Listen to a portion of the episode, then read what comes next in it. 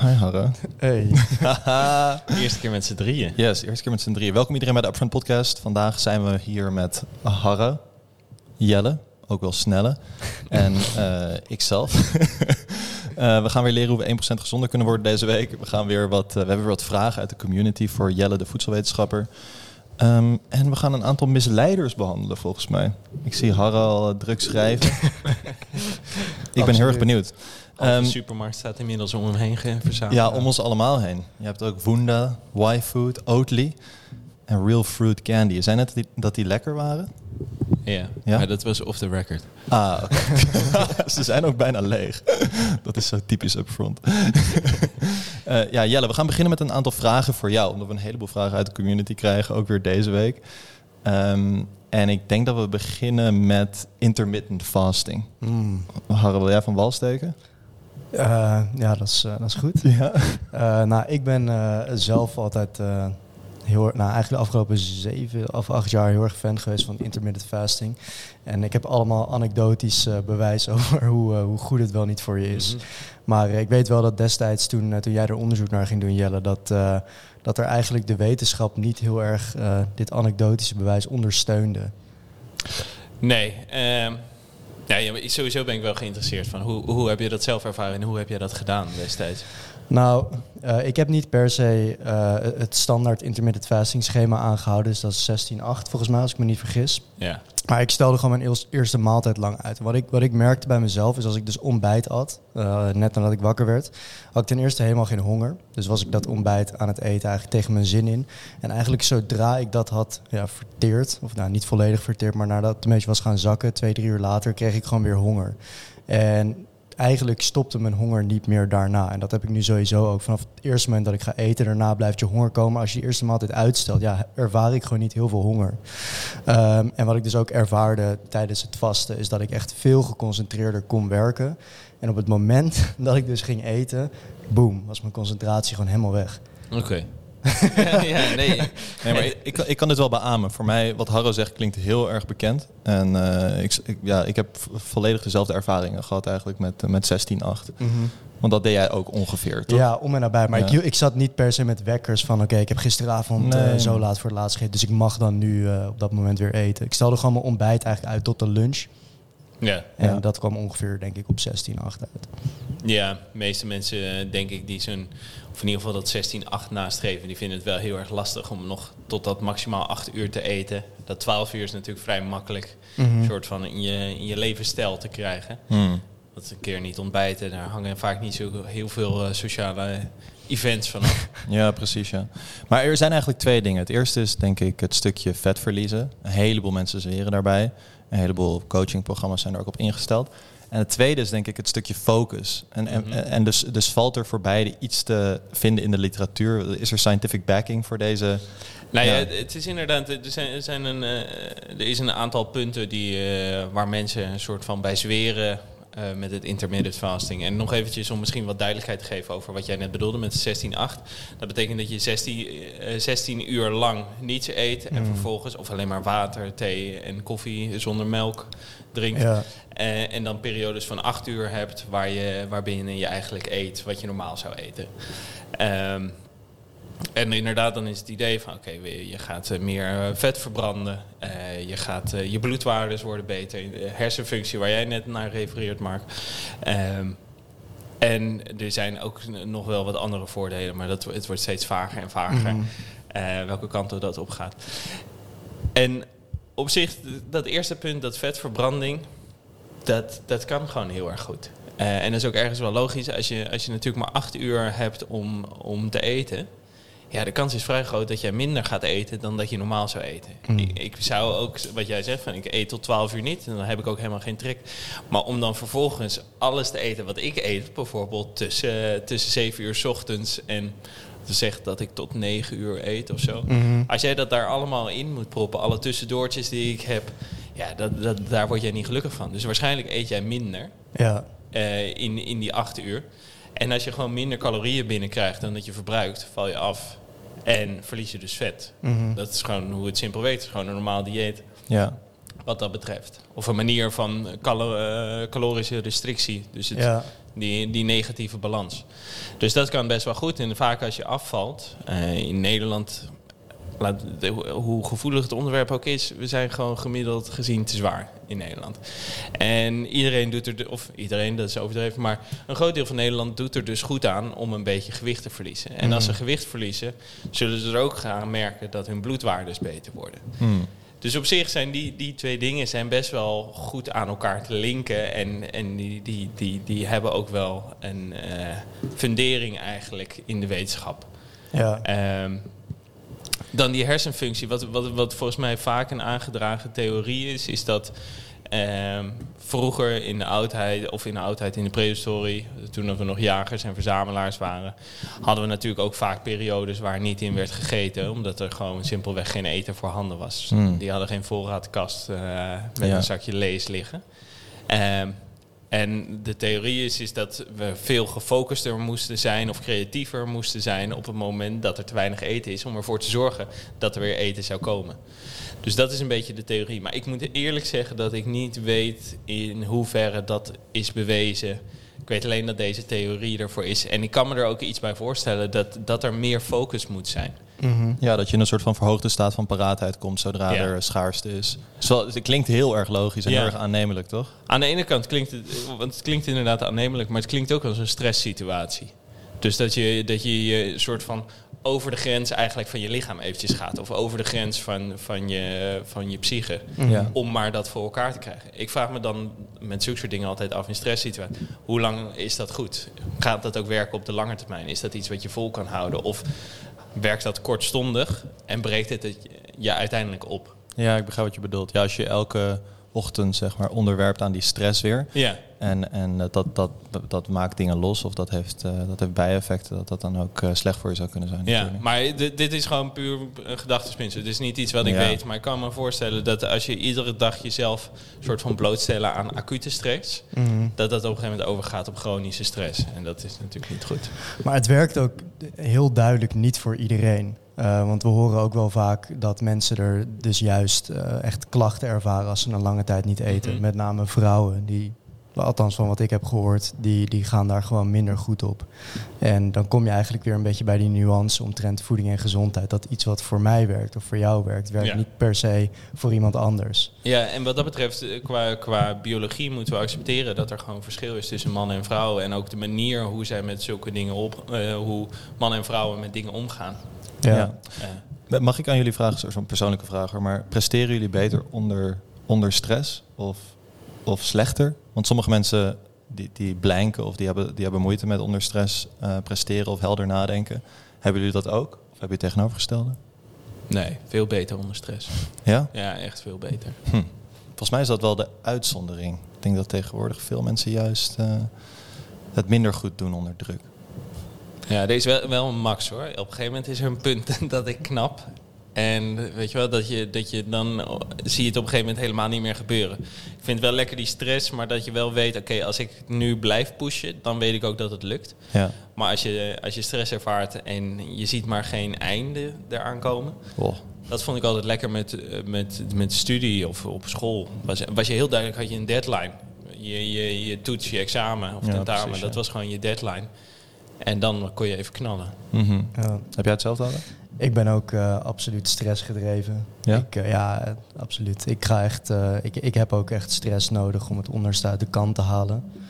Ehm, dus ja, ik probeer mezelf altijd wel in, in soort van stressvolle situaties. Of niet per se stress, maar gewoon uitdagen. Dat ik zit van, oh shit, weet je wel. Ik ga Gaat nu echt wel hard, lukken? hard mijn best moeten doen om dit te bewerkstelligen. Zodat ik eigenlijk... Maar ik ben ook heel goed in stress op mezelf leggen. Hmm. Ehm, want ja, anders was het een slechte combinatie geweest. Ehm, nee, dus ik, eh, hoe, hoe sta jij daarin? Ehm, ja, ik denk een beetje hetzelfde als jullie. Ik denk wel dat wat Jelle zegt, daar herken ik me erg in. Als er geen soort van eh, licht aan het einde van de tunnel is, dan heb ik er Mhm. ook wel moeite mee. Maar ik denk wel dat, eh, ik denk vooral die cre- stukje creativiteit wat, wat vaak loskomt als je echt onder, onder druk komt te staan. Dat, Ja. je op, dat je gewoon anders over dingen moet gaan nadenken. En dat dan, dat, dat dan toch een heleboel zeg maar, nieuwe ideeën loswekt. Dat, eh, ja, dat, dat merk ik wel.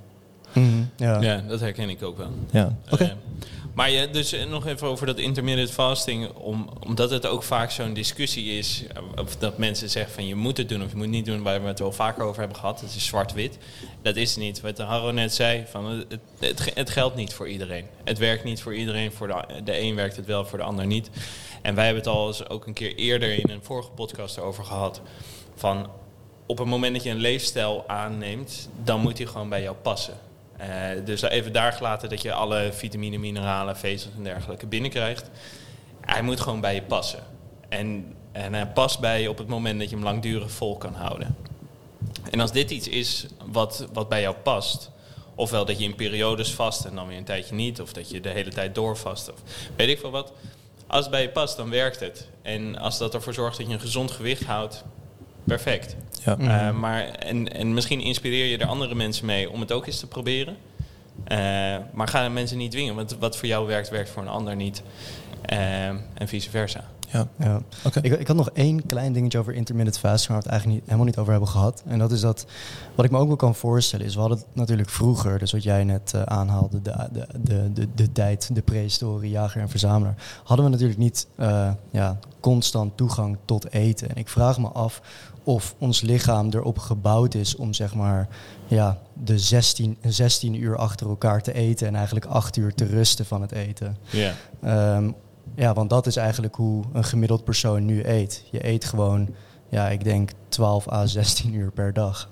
Ja, het, is- nou ja, het, is, het is natuurlijk het gekke. Het is een beetje van hoe, hoe zie je dat eten of niet. Want eh, vaak zit er tussen je eerste maaltijd en je laatste maaltijd zit zo'n 14 uur. Mhm. Eh, zeg dat goed? Ja. Ja. Ehm, maar ja, daar, daartussenin eet je ook niet.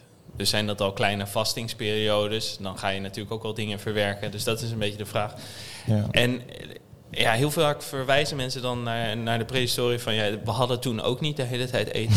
Maar het lag dus blijkbaar wel in onze natuur om er naartoe te gaan naar een situatie die dusdanig stabiel is. Mhm. Ja. Want we zijn ook van jagers en verzamelaars zijn we, zijn we de landbouw ingegaan. Mhm. Dus er was ook ergens die biologische drang om dat te gaan doen. Om een zo'n stabiel mogelijke situatie te creëren voor onszelf. Ja. Dus de- ja, ik vind dat altijd een lastige discussie om altijd maar om soort van naar onze oermens. Sowieso werden we toen niet zo heel erg oud. Nee. Ja. ja, mensen, ik vind dat ook kwalijk, want mensen verwijzen daar altijd naar en dat, daar kan je moeilijk iets tegen inbrengen. Maar ja, wie weet, zeg maar, eh, misschien dat onze voorouderen wel constant aten. Vanaf het moment dat ze wakker werden tot het moment dat ze gingen slapen, zeg maar. We hebben, ja, hebben we daar bewijs voor? Mhm. Bijvoorbeeld, er wordt ook gezegd, ketogeen dieet is eh, eigenlijk vrij van bijvoorbeeld granen.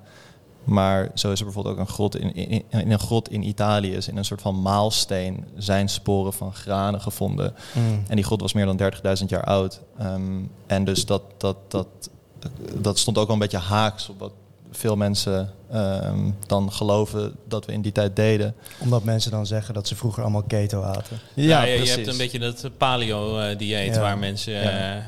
Wat inderdaad heel erg samenhangt met Ja. het, eh, Waar wordt gezworen van oké, je mag geen graan eten. Want dat is allemaal pas van de periode daarna dat we, dat we landbouw gingen bedrijven. ja. Mhm. Maar ja, wie weet aten we een heleboel grassen met, met, met peulen. En, en weet je wel, dus dat Ja. wat daar allemaal bij komt kijken, dat weten we gewoon niet meer. Ja. Want dat is allemaal biologisch materiaal wat gewoon over de tijd is eh, verdwenen. ja. Ehm, Een botje blijft langer liggen dan een stukje graan. Ja, ja, precies. Ja. ja, precies. En dan is van, oh, ze aten wel vlees. Ehm, ja, oké. mijn vraag gaat over het ketogeen dieet. Jullie hebben het al een keer over gehad. Eh, Bob had gisteren een video geplaatst. En daarin zei hij dat cardio geen vet verbrandt, maar calorieën verbrandt. En veel mensen zeiden dan van, ja, maar calorieën, eh, cardio verbrandt wel vet. Maar is dat niet alleen maar als je op ketonen teert, dat het direct vet zou kunnen verbranden? En hoe zit dat bij de meeste mensen? En ja, een hoop vragen. ja, een hoop vragen. Ja, maar er waren ook meer dan 200 vragen. Ja. Eh, video is enorm hard gegaan. En dus ik wil er gewoon misschien iets meer licht op schijnen, iets, iets meer duidelijkheid geven. In ieder geval voor de views. eh, props naar jou, Bob. Ehm, nee, ja, dat, is- dat is wel interessant. Eh, je verbrandt het allebei. Als, je, als jij cardio aan het doen bent, verbrand je suikers en je, je verbrandt vet. En dat is iedere keer in een andere ratio. En vaak hoe intensiever je activiteit is, hoe meer dat verschuift naar suikers. Dat is snelle energie, die heeft je lichaam, kan daar makkelijk mee omgaan. daardoor is het, hoe, eh, vaak wordt, dat ge- wordt er gekeken naar, naar eh, met fietsen bijvoorbeeld wattages, maar ook vaak naar hartslag. En dat zie je ook met hardlopers. Die, worden dan, die gaan dan kijken van oké, tot waar kan ik gaan? Mhm. En hoe intensiever, hoe hoger die hartslag, hoe meer suikers eigenlijk. Want Maar daarvoor zit je op, sorry dat ik je onderbreek, maar daarvoor zit je nog op vetverbranding bij lage intensiteit. Overwegend. Het is, Ja. het is nooit eh, het een of het ander. Nee, het, is, het, het is, het is echt die verhouding die Ja, verschuift eigenlijk. Ehm, dus wat Bob eh, zei van oké, cardio verbrand je eh, geen vet mee. Ah, dat, dat, dat, is gewoon een ingewikkeld onderwerp. Je verbrandt inderdaad calorieën. Nou, in, Bob zei, ehm, cardio staat niet gelijk aan vetverbranding. Nee, nee, nou, daar heeft hij dus ook helemaal gelijk in. Ja. Ja, want je verbrandt inderdaad calorieën. En, eh, en waar die vandaan komen, dat ligt een beetje aan de intensiteit van je, van je, van je workout. Dat ligt een beetje aan, eh, aan wat er in je lichaam beschikbaar is. Zoals mensen die intermittent fasting doen, waar we het net over hebben. Die, die bijvoorbeeld voor hun eerste maaltijd gaan eten of eh, gaan sporten. Ja, de kans dat die meer vet moeten gaan verbranden, omdat er gewoon simpelweg geen suiker meer beschikbaar is, ja, is vrij groot. Ja. Mhm. Oké, dus zoals gebruikelijk hangt het af van een combinatie van factoren, inclusief Ja. dieet, intensiteit van de training en natuurlijk gewoon eh, genetische bepaling van de persoon zelf. Ja, Oké, Maar dan heb je dus, eh, want jouw andere vraag was dat ketogeen. Dus dan zou je eigenlijk, wat je dan doet, is dat je alleen maar of hoofdzakelijk vet binnenkrijgt, vet en eiwitten. Eh, waardoor eigenlijk wordt gestimuleerd van dat je in ketogenesis komt. Waardoor je geen suikers meer beschikbaar hebt en die je niet meer kan gebruiken. Maar dat je ketonlichamen. En die ketonlichamen ontstaan in je lever na het vrijkomen van vetzuren uit, uit je vetcellen bijvoorbeeld. Ehm, Alleen wat het een beetje het lastige is, is dat je, je gaat inderdaad meer vet verbranden op zulke momenten. Dus een positieve kant is dat je, je lichaam wordt eh, efficiënter daarin. Wordt efficiënter, gaat beter reageren op meer vet in het lichaam of eh, zijn energie halen uit vet. Maar ja, je bent ook meer vet aan het consumeren en dat is gewoon ook hoog in calorieën. Mhm. De hoogste macronutriënt qua calorieën betreft. Ja, dat, als je daar ook te veel van binnenkrijgt, word je gewoon ook nog steeds dikker. Want dat gaat gewoon over, over je caloriebalans en niet zozeer over welke, calor of welke macronutriënten je dan binnenkrijgt. ja. Oké, nee, eigenlijk heel erg duidelijk verhaal. En Harry, je hebt een tijdje ketogeen gegeten. Mhm. Boter met bacon, met, eh, met eh, lever, met eieren avo. en mayonaise en avocado, ja zeker. Maar ik luisterde laatst naar een podcast en daarin vertelde Dr. Rhonda Patrick, dat je, Jelle's favoriete dokter, ehm, dat je zelfs bijvoorbeeld met het eten van a- een avocado bijvoorbeeld uit ketosis zou kunnen raken. Eh, ervaarde jij, jij dat ook? Of? Nou, het, is niet dat je zeg maar heel erg merkt of je in ketose bent of niet. Eh, ik had van die bepaalde strips waar je op eh, moest plassen.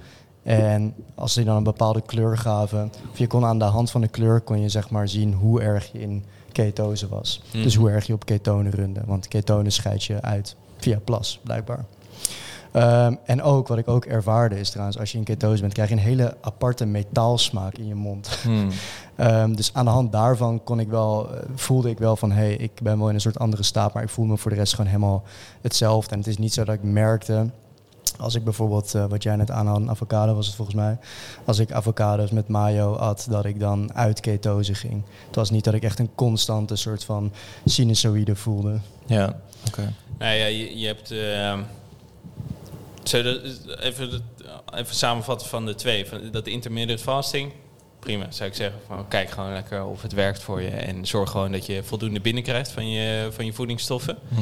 Eh, want tekorten in welk dieet, dat is gewoon fout. En dat is wel het risico van dat ketogene gedeelte. Is als jij gewoon stopt met allemaal granen, groenten en fruit eten. Vanwege je dieet. Eh, want sommige mensen zijn zo streng in de leer inderdaad. Dat ze ook oppassen met, met een eh, eh, fruit en groente. Om maar in die ketose te blijven. Ja. Dan, ga, dan wordt de kans op tekorten gewoon vrij groot. En eh, ja, dat is gewoon sowieso fout. ja, Buiten dat lijkt het me echt, en dat is meer persoonlijk, lijkt het me echt heel erg smerig om een klontje boter door je Ja. koffie heen te moeten Ik vond het wel interessant, maar voor mij was het echt meer een experiment, omdat ik gewoon ook een beetje een voedingsdork ben. En ik vond het gewoon leuk om daarmee te experimenteren.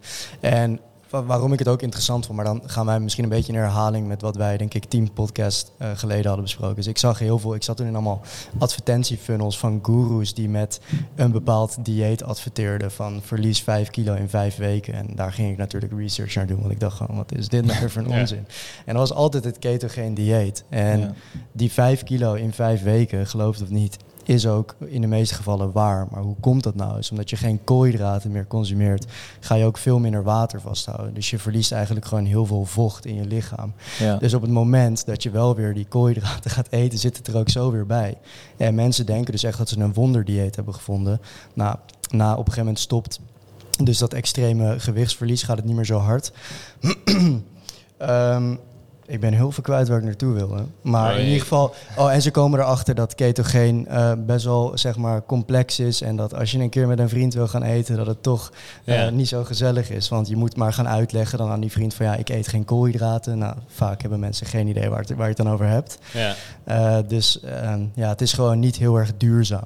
Ja. Ja, probeer ook inderdaad maar eens even aan je gezelschap uit te leggen dat er, dat er geen eh, pasta, rijst of aardappel bij zit, maar ook geen groente. Ja, maar misschien is dat dan de reden dat we niemand kennen die consistent bijvoorbeeld al vijf jaar in ketose zit. Want ik, ik ken sowieso niemand die het langer dan een kwartaal heeft gedaan. Misschien dat ik in de verkeerde kringen zit, maar een heleboel van mijn vrienden zijn bezig met gezondheid. Maar ik ken Ja. niemand die dit lang volhoudt. Het is gewoon geen duurzaam dieet. Maar het is wel zeg maar de perfecte money grab voor gurus. Ja, omdat ze gewoon heel duidelijk kunnen zeggen van oké, je verliest er kilo's mee en dat, dat gebeurt dus Dat, en zeker omdat ze dan ook producten erbij kunnen verkopen, als Ja. bijvoorbeeld, hoe heet het, eh, bullet coffee of eh, Ja, bulletproof. bulletproof. Maar Ja. ook supplementen. Ik zie heel veel supplementen die, die, het, eh, die het gaan in de eh, staat van ketose bevorderen.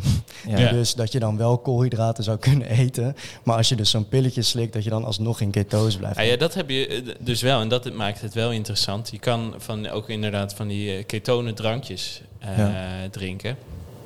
En wat daarvoor voor sporters weer interessant is, is dat je dus eigenlijk je suikervoorraden, die, die, die energie, die, die belangrijke bron van energie vormen tijdens de actieve of intensieve sportprestaties, dat je die eigenlijk wat langer kan sparen.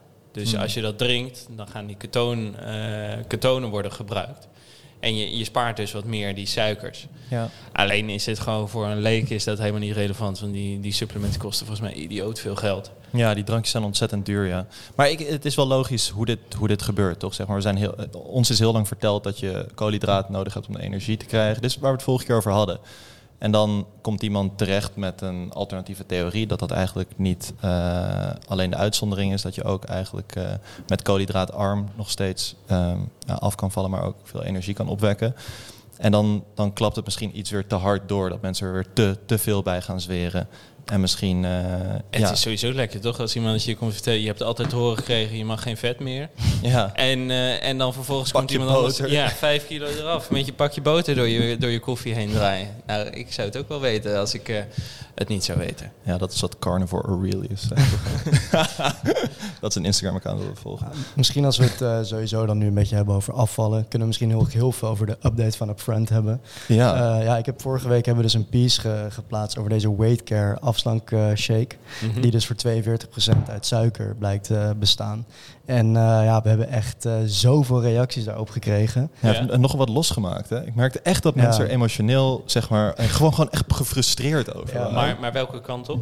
Nou, over dat dit gewoon oplichterij is. Dat, dit gewoon, dat ze gewoon echt zitten van hoe, hoe, is, hoe is dit legaal? En ik denk dat we hebben wel vaak extreme reacties gehad, maar hier was het gewoon echt bijna iedereen die commentte zat gewoon echt met een best wel lab tekst van yo, dit, zeg maar, dit moet een keertje klaar zijn toch? Dit Ja. soort shit.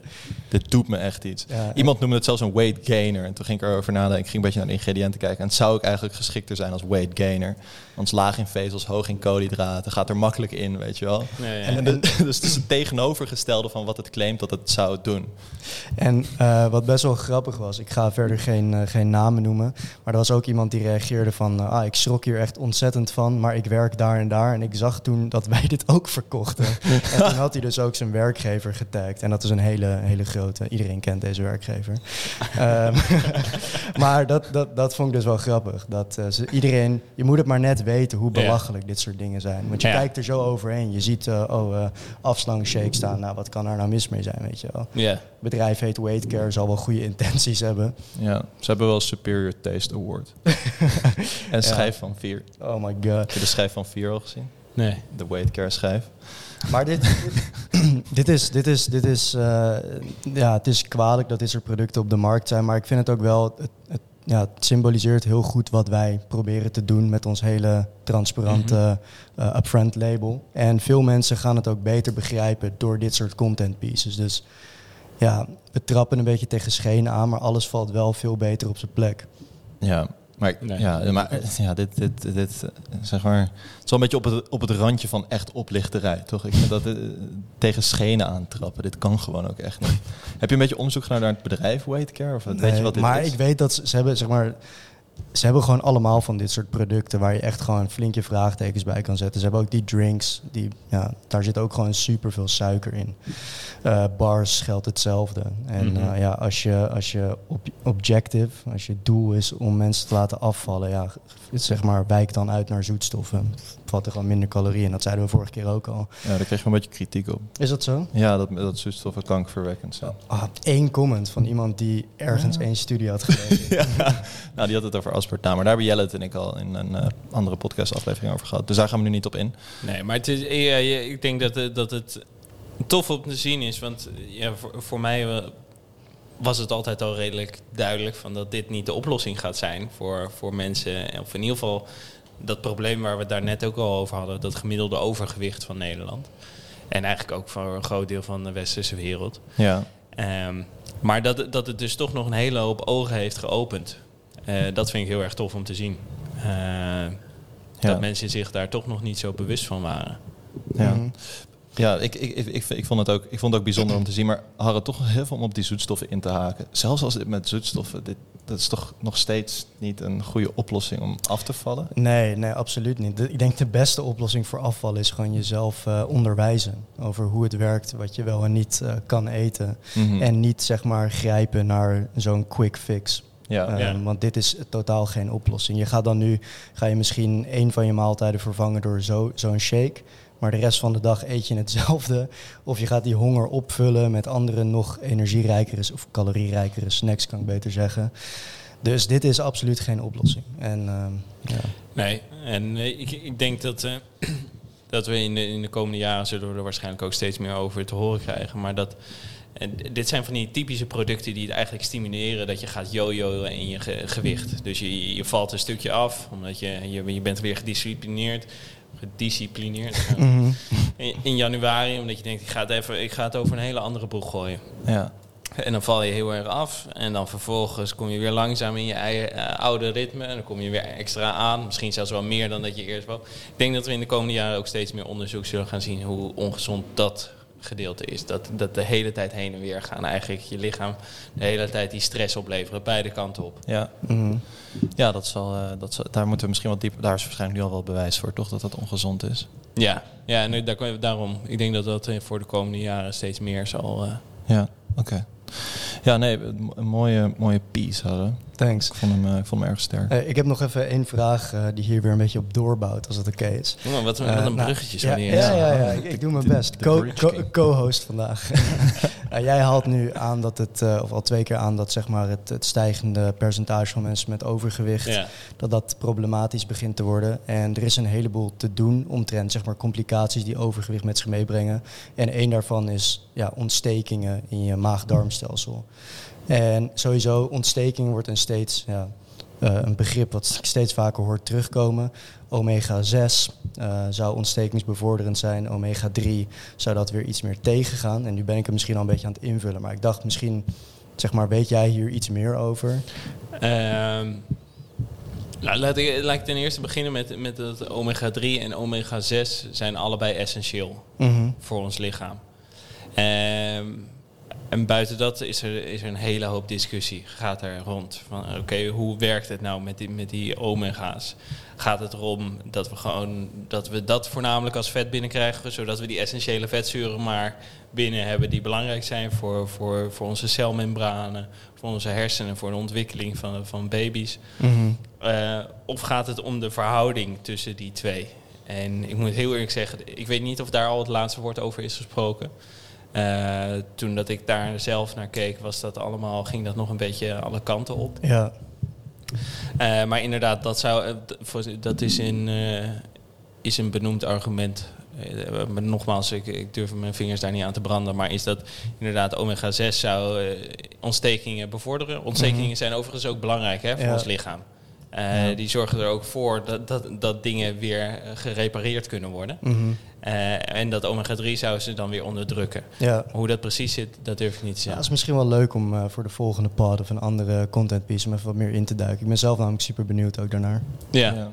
ja, er wordt veel gewezen naar deze verhouding. Ik merk dat... eh, ik, ik hoor er steeds meer over. Ja, Ehm, dus voor ons is het ook goed om, eh, om hier gewoon dieper in te duiken. Ja, Over- het idee is een beetje is dat we met ons westerse dieet zijn weggeschoven van, van, een, eh, van een verhouding die eigenlijk van nature veel voorkomt. Mhm. Eh, doordat we producten die hoog dan in omega-6 zijn gaan eten, is die verhouding helemaal scheef getrokken.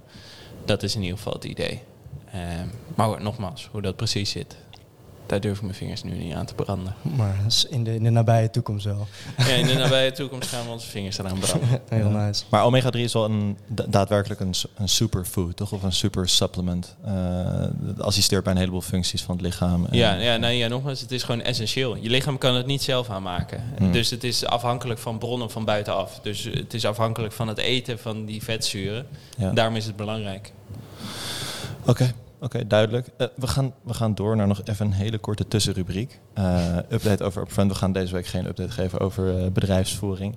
Maar we gaan wel stemmen over een nieuwe tagline. Ehm, en dus we, hebben, we zeggen altijd wat oprecht is wint. Of we, zeggen, of we zeggen zoek de grens op. Maar we hebben eigenlijk nog een derde nodig, weet je wel? Three makes, uh, you know. Ehm, wat zeg ik? Maar we hebben klap hem erin. Eh, Klap hem lek- erin. Klap hem erin. Eh, maak het kapot. Wie hebben deze twee bedacht? Dit heb ik allemaal bedacht. we hebben verbouw alles. Hè, omdat we de voedselindustrie aan het verbouwen zijn. Mm, Of gewoon verbouw het. Oké. Dan hebben we van Harro hier. Geef 100. Ik vind Mhm. hem niet slecht. Ik vind hem mooi. En we hebben stap voor stap. Weet je wel, dat je elke week wat we hier preachen, elke week 1% gezonder, beter, Mhm. sterker, slimmer. Dus, dus welke, welke vinden jullie het sterkst? Maar wanneer roep je dit? Ja, klap hem erin. Maar wa- wanneer de, zeg de je dat? sportschool. Als, als, Jelle, als Jelle zegt van ik haal even mijn tosti onder het tosti-apparaat vandaan, dan zeg je ja, klap hem erin. Of, Ja, ik vind, ik vind ook de, de erin. Waarin? Oké, klap, klap, het heeft wel een beetje een seksueel tintje ook. klap hem in. Sowieso zijn, zijn ze... Het is, ergens voelt het wel duidelijk dat ze door mannen zijn bedacht. Misschien wel, ja. Maar oké, kom dan met betere Ja, geef 100. boys. Maar ik, ik, ik, ik dacht het zeg maar als volgt, had ik het uitgedacht. Dus dat je gewoon, je staat in de gym of zo en iemand gaat een nieuwe eh, eh, PR gaat die drukken of zo. En hij is gewoon echt ziek hard aan het strijden om die bar omhoog te krijgen. En dan zit jij gewoon, joh, geef 100. Dan zeg je niet, joh, klap hem erin. Maak kapot. Maak- Verbouw hem. Verbouw alles. Ja, geef 100 is dan misschien wel sterker. Ja. Ja. Maar misschien dat iemand dan wel iets snapt als hij echt 100... Maar ja, als je dingen gaat verbouwen. Oké, we dwalen een beetje af. Maar misschien dat, misschien dat onze luisteraars nog goede suggesties hebben. Mhm. Ik ben serieus dat we, dat we een derde tagline nodig hebben... die iets meer de, de lading dekt van zoek de grens op. Ja. En dus eh, ik ben benieuwd of jullie nog ideeën hebben. Je hebt Ja, nee, we, we- ik denk dat het goed is. Wat, wat oprecht is, wint is, slaat heel erg op, op, onze, op onze visie en missie Ja. die we hebben. Eh, zoek de grens op is wat we, wat we graag ook communiceren naar, of waar we onze, onze, onze community voor willen stimuleren. Mhm. Misschien moeten we iets wat, wat ons product nog identificeert, of wat onze producten identificeert. Ja. Dat is ook een stukje natuurlijk wat oprecht is wint. Maar ik ben ook wel benieuwd wat mensen, wat, wat, welk gevoel mensen hebben bij ons merk. Ja, ja, ik denk wel, de, het enige criterium is dat het dus gewoon kort is. Kort en Ja. het liefst ook pakkend, want niemand kan natuurlijk een hele, hele zin eh, uitspreken als tagline. Mhm. Gewoon just do it of eh, dat, soort, dat soort taglines zijn Ja. het sterkste. Ja. En ook wel go one more. Ja, van eh, BPN. Ja, ook Geef sterk. 100 van Harro. Dat is wel de kortste. ja. Lekker Harre. Misschien Thanks. heb je er wel drie. Dan heb je toch drie woorden nodig. Misschien wel, ja. Een trifecta. Harre, jij hebt nog een eh 1% gezonder. Oh ja, absoluut. Ehm, het is, eh, ja... ja, het is niet echt zo'n... Ik, ik ben altijd een beetje jaloers. Dat, ik weet nog toen Jelle één keer in de pod kwam, toen, toen Mark weg was. En toen heeft hij die tip van die fucking haverzemelen gegeven. En dat is nog steeds gewoon echt... Ja, die, die is zo aangeslagen. Heel Nederland aan de haverzemelen. En Overal gewoon- uitverkocht. Ik kan ze zelf niet meer kopen. Eh, dus alles wat wij nu opperen valt gewoon een beetje in het niet vergeleken met die tip. Ook omdat die zo simpel en zo concreet was. Ehm, maar mijn eh, ja, tip om gezonder te worden, is dat is een beetje wat... eh, ehm, het sluit een beetje aan, of het bouwt een beetje voort op wat Mark en ik twee weken geleden volgens mij hebben besproken. En dat is dat we allebei weer het gymmen wat serieuzer op wilden gaan pakken. ja.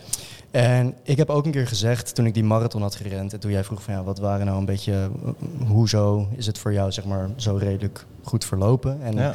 een deel daarvan was dat- dat ik dus dat hele marathonschema in mijn kamer had uitgeprint eh, en had opgehangen. Nou, wat ik nu doe, is ik ben dus aan het bulken. Ik weet niet of jullie het al een beetje zien. Zo. Ja, Ja, ik zie het man. Oh, De packs. Oh, De definition.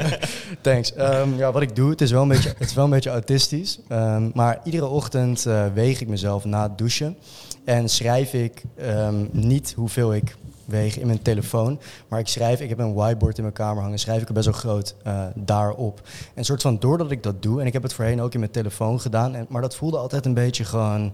Ik weet niet, dat viel een beetje weg. Want die telefoon die gebruik ik voor zoveel dingen. Maar dat whiteboard hangt zeg maar zo ja, Het prominent. eerste wat je ziet als je wakker wordt. En doordat ik dat daar opschrijf, zet ik soort van mijn intenties voor de rest van de dag goed. En eh, vind ik dat ik meer soort van verantwoordelijk, voel ik meer verantwoordelijkheid om ook de rest van de dag mijn eten gewoon goed te tracken en weer Mhm. gewoon goed te eten.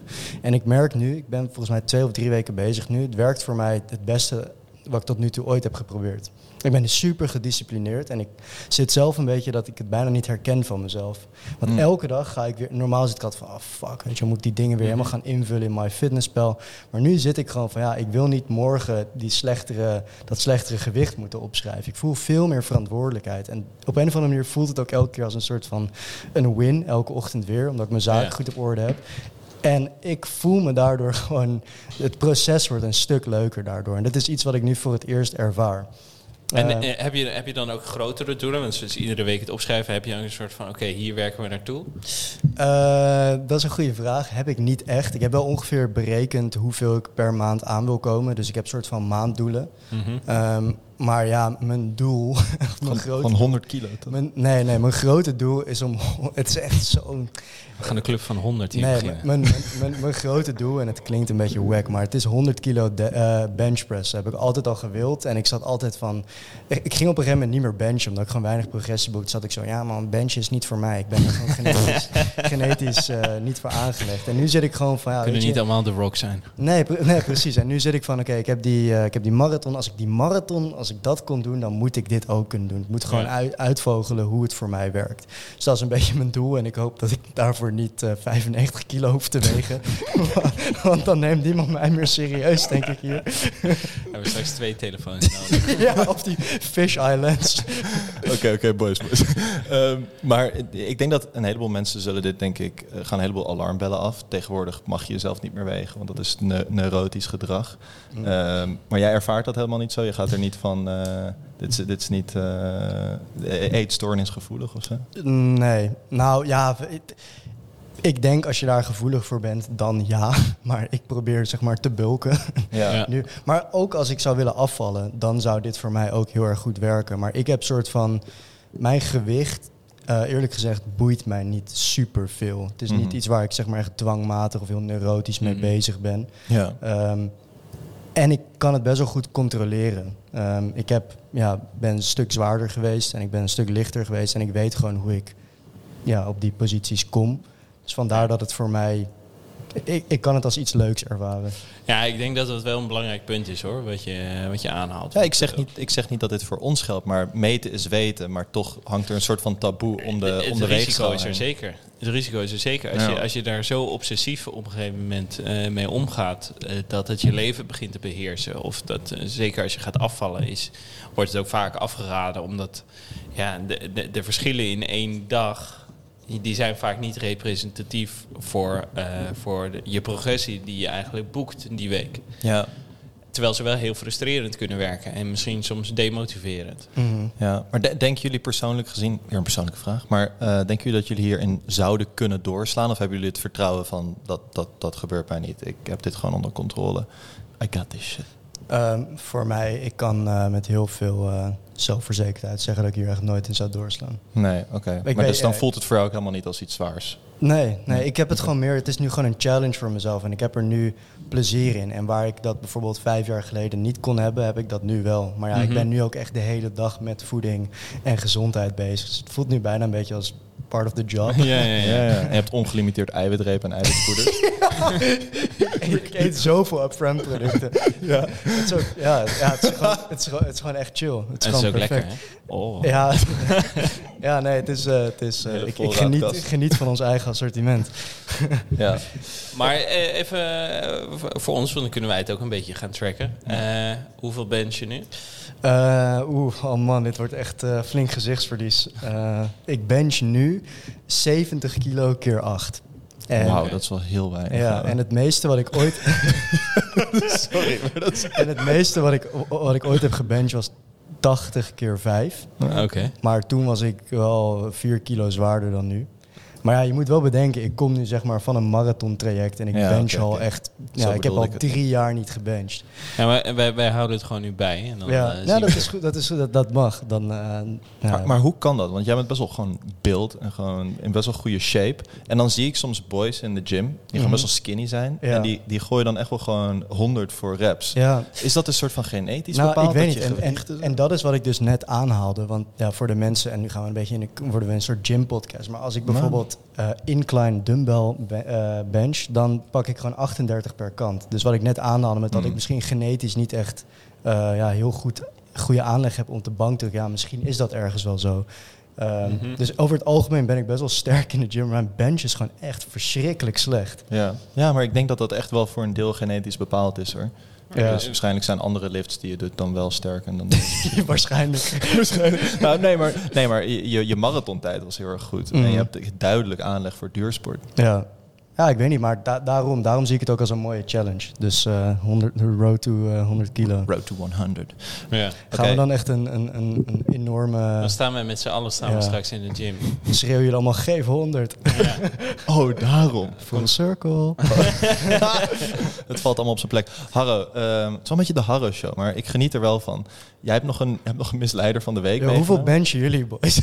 Eh, ja, ik bench sinds eh, bijna twee jaar niet meer. Hmm. Ik bench ook niet. Oké, dus ik bench het meest van jullie. Maar je bent erbij geweest dat ik gewoon 100 wel voor, voor Ja, reps ik, heb Ik heb jou gespot met 100 kilo. Ja, toen ik een keer met, met een vriend ging trainen, toen wilde ik dus, en die is net iets groter dan ik, toen wilde ik showen. En toen ging ik ook 100 weer voor reps doen. En toen, toen ging ik one-way ticket to Snap City, zoals wij dat zeggen. En toen is er iets in de schouder gesprongen en nu bench ik al twee jaar niet meer. Mhm. Dus eh, dat is, ja, maar misschien dat, het wel weer, dat ik het wel weer kan oppakken. Moet even ja. kijken. Misleider van de week, sluit hem daarmee af. We knallen hem erin. We, we kunnen hem afsluiten met de misleider van de week. Maar Klap hem erin. Het is deze week ook niet per se een, een, een, zo'n fantastische misleider als vorige week. Dat was echt een perfect voorbeeld. Maar ik heb nu, eh, eh, eh, ik ja, was toevallig laatst eh, stond ik voor het sambalschap. En toen viel mij op dat eh, ik dacht, sambal, ja, wat zou daar naast pepers nou in zitten? Nou, het zal je verbazen. Eh, Jelle, ik zou ze graag aan jou willen geven, maar jij zit te ver weg. Ehm, dus ik, eh, ik ga het gewoon even zelf eh, opnoemen. Ja. Ik heb hier eh, eh, natuurlijk de welbekende sriracha. Ik heb hier sambal manis, oelek en brendal. Hoeveel suiker denk je dat er per 100 gram in sriracha zit? 16. 16 gram. Ik hoop maximaal 10 per 100. Hier zit dus 27,7 gram suiker in. Hmm. Dus deze sriracha bestaat voor bijna een derde uit suiker. Hmm. Dat is best wel Dat crazy, is, een, toch? dat is een hele hoop. Dat is- crazy. Ja, ik, eh, wij vallen er een beetje stil van. Eh, sambal manis. Hm? Iedereen kent hem wel, Konimax. Hm? Hm? Het ziet er ook al, ziet, deze zou ik wel hoger inschatten. Omdat hij ook al wat donkerder is. Het ziet er een beetje uit alsof er karamel doorheen zit. Hmm. 14? Nee, ja, het, het zal dan 30? Nee, eh, 27 ook. Hmm. Nou ja, er zijn heel veel van dit soort eh, verschillende sambal eh, soorten die dus gewoon bijna voor een derde uit suiker bestaan. Dus let daar wel even op. En ook al eh, neem je een klein schepje, ik gooi wel altijd best wel veel sambal over mijn eten heen. En ook eh, ja, als ik aan het koken ben, gebruik ik vaak wel sambal. En je gooit toch zo'n paar suikerklontjes door je gerecht heen. Ja, sowieso wil ik, wil ik even tussendoor een oproep doen naar alle mensen die dit doen. De hele tijd sriracha en eh, sambal over. Respecteer af en toe ook het gerecht. hoe het wordt gepresenteerd. En dat je zonder dat je die hete saus erover gooit. Dus, Dat doet Harro absoluut Goeie- niet. go- nee, dat doe ik niet. Maar dan nog even, dan, dan, eh, ik moet natuurlijk ook een goed alternatief aanbieden. Eh, dames en heren, het alternatief dat je wil hebben is sambal oelek. Is de, de beste van, eh, van alle sambals die er in het schap staan. En deze bevat 2,5 gram suiker Oh, per 100 serieus? gram. Ja, dus het kan wel. En ik proef eerlijk gezegd, ja, je proeft het verschil wel. Maar het is niet dat je zegt, goh, die een is lekker en de andere is vies. Eh, dus het lijkt mij onnodig dat er bijna een derde aan suiker in zit. En zit er nog verschil tussen die oelek en eh, die, eh die Konimax oelek? Eh, weinig. Eh, de Conimax heeft 3,6 gram suiker en die van de Appie dus eh 2. punt- Wat is het? 2,5. Oké, dus als we naar suiker zouden kijken en financiën, zou ik naar, de- naar de Albert Heijn grijpen. Absoluut, ja. Nice. Hm. Maar wel interessant, dus dat is gewoon een andere receptuur waar, waar minder suiker in zit, waar Ja. minder aan is toegevoegd. ja. Ja, we zien dit van, met veel producten, ook natuurlijk met kruidenmixen, dat er Ja, ontzettend veel... Maar-. Oké, oké, thanks. Zeg maar die hele, die hele sriracha-hype, toch? Want Ja. iedereen en zijn moeder die eet sriracha op Ja. alles. En eh, die hype was er nooit echt met sambal. Je had een paar van die freaks die gewoon veel sambal overal bij hadden. Maar dit is dus zo'n hype, omdat je ook gewoon echt veel suiker bij je gerecht voegt. En ja, dat maakt het gewoon veel lekkerder. Ja. Eh, dus het is niet zo onschuldig als het lijkt. Ik denk dat hier op kantoor eh, ik, ik ook bijna een flesje per week er doorheen gaat. Ja. ja, ik wist het ook echt oprecht niet. Ik dacht Nee. dat zoetzure saus, dat daar veel Mhm. suiker in zat, dat Ja. wist ik en dat kopen we ook niet meer. Maar dat, dat er in sriracha, dat smaakt ook helemaal niet zoet. Dat smaakt Nee. gewoon pittig. Ik dacht Mhm. gewoon, dat is gewoon pure peper met azijn of zo. Maar Ja. is, We eh, moeten eh, binnenkort met onze eigen hot sauce gaan komen. Ik vind dat serieus geen slecht idee. Want net zoals dat we werken aan... Oké, misschien moeten we dit bliepen. Eh, Achteraf gaan we... Maar aan kruiden mixen. ehm, die gewoon zoutvrij zijn. Zodat je zelf controle hebt over hoeveel zout je in een product doet. Er Ja. zit natuurlijk precies hetzelfde, maar dan met Mhm. suiker. Ja. En, en dat is dat onderwijzen slash dingen simpel maken... zodat je weer controle krijgt over wat je binnenkrijgt. Ik denk Mhm. dat, dat, dat een heleboel scheelt. Want wat jij zegt is waar. Je krijgt onbe- onbewust... Je krijgt gewoon een heleboel suiker binnen. ja. En als dat één keer gebeurt, is niet zo erg. Maar als dat elke avond gebeurt. En er zijn meerdere producten waarbij dat gebeurt. Mhm. Dan tikt Ja. dat wel aan iedere dag. Ja, en je hebt mensen die, die het gewoon de lunch en avondeten eroverheen gooien. Ja, that's me. Maar je, je, kent, je kent toch ook wel het gevoel dat je zin hebt in iets zoets. Ja. Nou, je lichaam weet wat voor een producten Mm. eh, dat gevoel satisfyen. En veel mensen denken misschien, ja, ik vind het lekker om iets pittigs te hebben bij mijn eten. Maar eigenlijk hunkert het lichaam gewoon naar die extra suikers. Ja, het is wel grappig. Ik, ik, ik had ook geen idee. Ik En- drop hier weer gewoon bombs. Ja, kla- je klapt hem er wel lekker in. Oh my. Maar wat, wat het grappige is, is dat je met, eh, met sambal en, en sriracha of hot sauces... eh, kijk je voornamelijk naar de, de, de pepercontent. Mhm. Je Ja. gaat een beetje evalueren. Ah, is deze wel pittig genoeg voor mij? Ik, eh, moet ik mijn game een beetje upsteppen hier? Ja. En ik kijk nooit naar de suikers. Mhm. Ja. Ja, lekker boys. Goed afgesloten, denk Ja, ik. We hebben weer wat geleerd, maar serieus. Het is echt eh, leuk dat je Het dat is ook de laatste keer dat we dat speel hebben besteld. Ja. Na, na deze potjes. ja. Thanks iedereen weer voor het luisteren naar de Upfront podcast. Eh, ik hoop dat jullie weer 1% gezonder zijn geworden. Jelle heeft wat van jullie vragen beantwoord. En we hebben natuurlijk een misleider van de week gehad hier. Dankzij onze boy Harvey. Ehm, mocht je nou eh Upfront willen supporten, dat kan je doen via upfront.nl. Je euro gaat direct naar een Rotterdams bedrijf wat de voedselindustrie een stukje beter probeert te maken. Boys, hoe vonden hem gaan?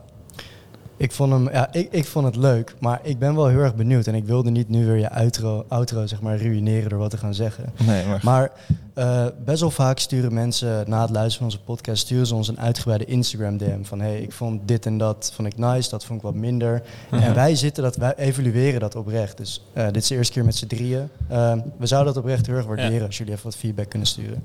Ja. En en voor hetzelfde geld zit ik hier volgende week niet meer. het ligt een beetje aan jullie DM's. Of Harro's. ineens Ja, die moet er weg. Nee, ik denk dat Harro sowieso de podcast goat. Jouw stem is ook gewoon zo silky smooth. Oh, daar Ja. word ik gewoon echt... Ja, daar heb ik ook wel eens DM's over ontvangen. Jij? Ik wil weer luisteren naar Harro zijn stem. Ja, dat kregen we de hele tijd toen jij weg was in Vietnam. Oh, wow. ja, en dat onze stemmen eigenlijk niet zo heel erg prettig waren. Nou, eh, dankjewel. Ik voel me gevleid. Zullen we hem ook afsluiten?